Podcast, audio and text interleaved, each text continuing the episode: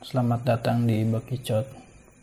Baru-baru ini kita diramaikan dengan hebohnya teori konspirasi elit global.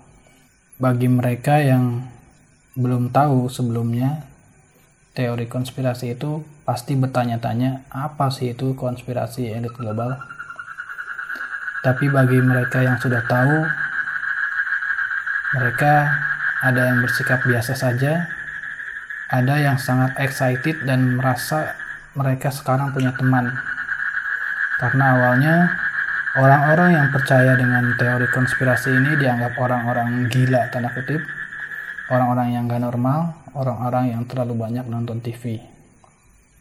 Padahal kalau mereka itu mereka yang menyebut dirinya normal dan menganggap orang-orang punya yang percaya teori konspirasi ini tidak normal, ketika mereka sudah mempelajari apa itu teori konspirasi, minimal tahu dulu lah apa itu teori konspirasi, pasti mereka tidak akan berkata seperti itu.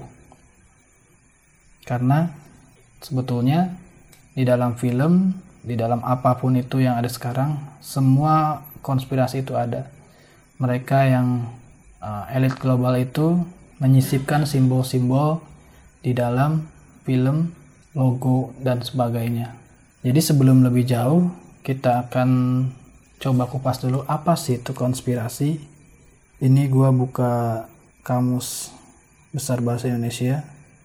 Konspirasi adalah komplotan atau persekongkolan. Dalam skala kecil, konspirasi itu ya bisa disebut sebuah persekongkolan kecil ya. Komplotan maling, konspirasi maling. Tapi dalam skala besar ya apalagi sudah menyangkut elit global mereka yang orang-orang kaya yang termasuk dalam satu persen orang kaya yang menguasai dunia.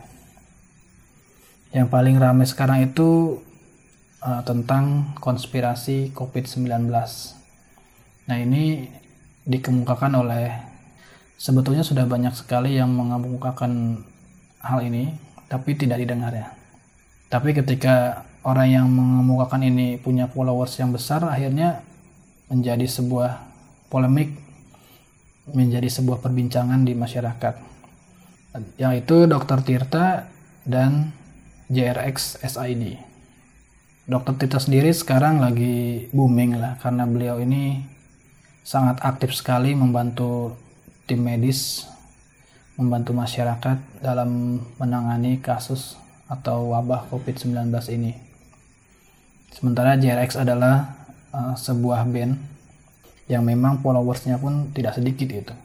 Sehingga ketika beliau berdua ini mengemukakan teori itu dan diawali dengan perdebatan mereka sampai akhirnya mereka berdiskusi dan mendapatkan sebuah kata sepakat itu menyebabkan polemik yang sangat besar itu.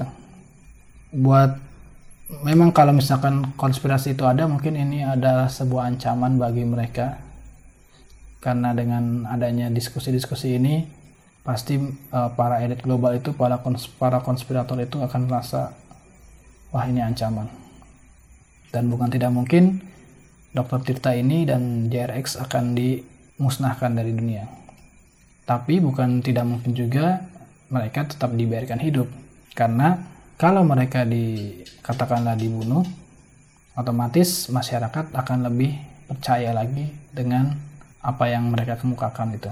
Tapi kalau dibiarkan eh, teori-teori konspirasi yang diangkat oleh Dr. Tirta eh, DRX dan Dr. Tirta ini akan tenggelam begitu saja. Sebetulnya ini sudah terjadi pada semua orang yang mencoba mengemukakan teori konspirasi ini.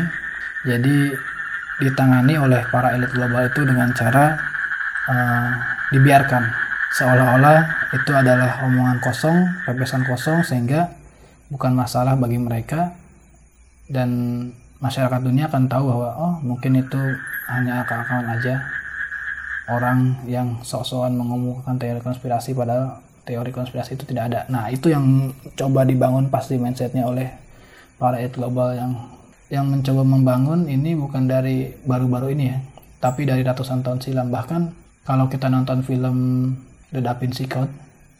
Teori konspirasi ini sudah ada sejak zaman Yesus. sampai sekarang diteruskan oleh orang yang bisa dibilang turun temurun ya turun temurun sampai sekarang dan mereka itu memang menjadi orang yang satu persen dunia yang menguasai dunia ini baik dari ekonomi sosial dan politik meskipun mereka tidak pernah menampakkan diri mereka hanya menjadi backup atau penyandang dana atau penyandang pemikiran dari para politikus-politikus dunia dan para pengusaha-pengusaha dunia. Jadi dari hasil diskusi Dr. Tita dengan JRX kemarin, gue sih sebagai pendengar menyimpulkan bahwa satu eh, COVID-19 ini ada benar wabahnya karena Dr. Tita sebagai medis dan sebagai ahli klinis menyatakan bahwa COVID-19 itu memang ada. Hanya saja ada uh, konspirasi yang menunggangi kebijakan-kebijakan uh, COVID-19 ini. Dan yang kedua adalah COVID-19 ini tidak ada, tapi hanya diciptakan melalui pikiran, menciptakan ketakutan bagi masyarakat, menciptakan sebuah kegaduhan, sehingga mereka percaya bahwa ada COVID-19 ini dan ya begitulah. Yang ketiga adalah bisa jadi virus ini memang virus buatan yang dibuat untuk konspirasi itu sendiri. Tujuannya apa? Kalau dokter uh, dari JRX menyatakan bahwa memang setiap beberapa ratus tahun, beberapa ratus tahun sekali ekonomi dunia ini akan di restart oleh para elit global ini kembali ke titik nol. Kita bisa lihat bahwa memang dengan adanya COVID-19 ini dengan media yang menggembor-gemborkan ekonomi dunia ini sangat-sangat merosot. Apalagi dengan uh, konsep lockdown dan sebagainya itu menyebabkan dunia ini sekarang sedang krisis sengaja dibuat krisis agar bisa di restart dan sebetulnya membuat ketergantungan dunia ini kepada orang yang satu persen ini. Nah, eh, kalau gue ngomong sendiri kayaknya nggak nggak seru ya. Jadi gue nanti akan coba ajak ngobrol temen gue yang memang memperkenalkan gue ke teori konspirasi ini. Awalnya gue juga dulu nggak percaya dengan konspirasi kayak gini. Tapi setelah gue kuliah, kemudian diperkenalkan dengan teori konspirasi, dan gue jadi ngerasa tertarik untuk mencari-cari data di internet dan sebagainya di buku-buku. Dan ternyata gue merasa ya memang konspirasi ini benar adanya gitu. Cuma memang diputar balikan otak manusia itu agar tidak dipercaya gitu. Orang-orang yang percaya konspirasi ini dianggap gila. Kalau orang membuka pikirannya untuk coba menerima teori konspirasi ini bahwa benar adanya teori konspirasi ini gue yakin semua orang akan percaya. Cuma ya itu dia karena sudah terlanjur didoktrin bahwa teori konspirasi ini hanyalah omong kosong sehingga orang belum tahu belum apa belum belum coba membuka pikiran untuk itu belum coba riset udah menganggap itu bahwa itu adalah perpesan kosong. Oke sekian terima kasih. Selamat malam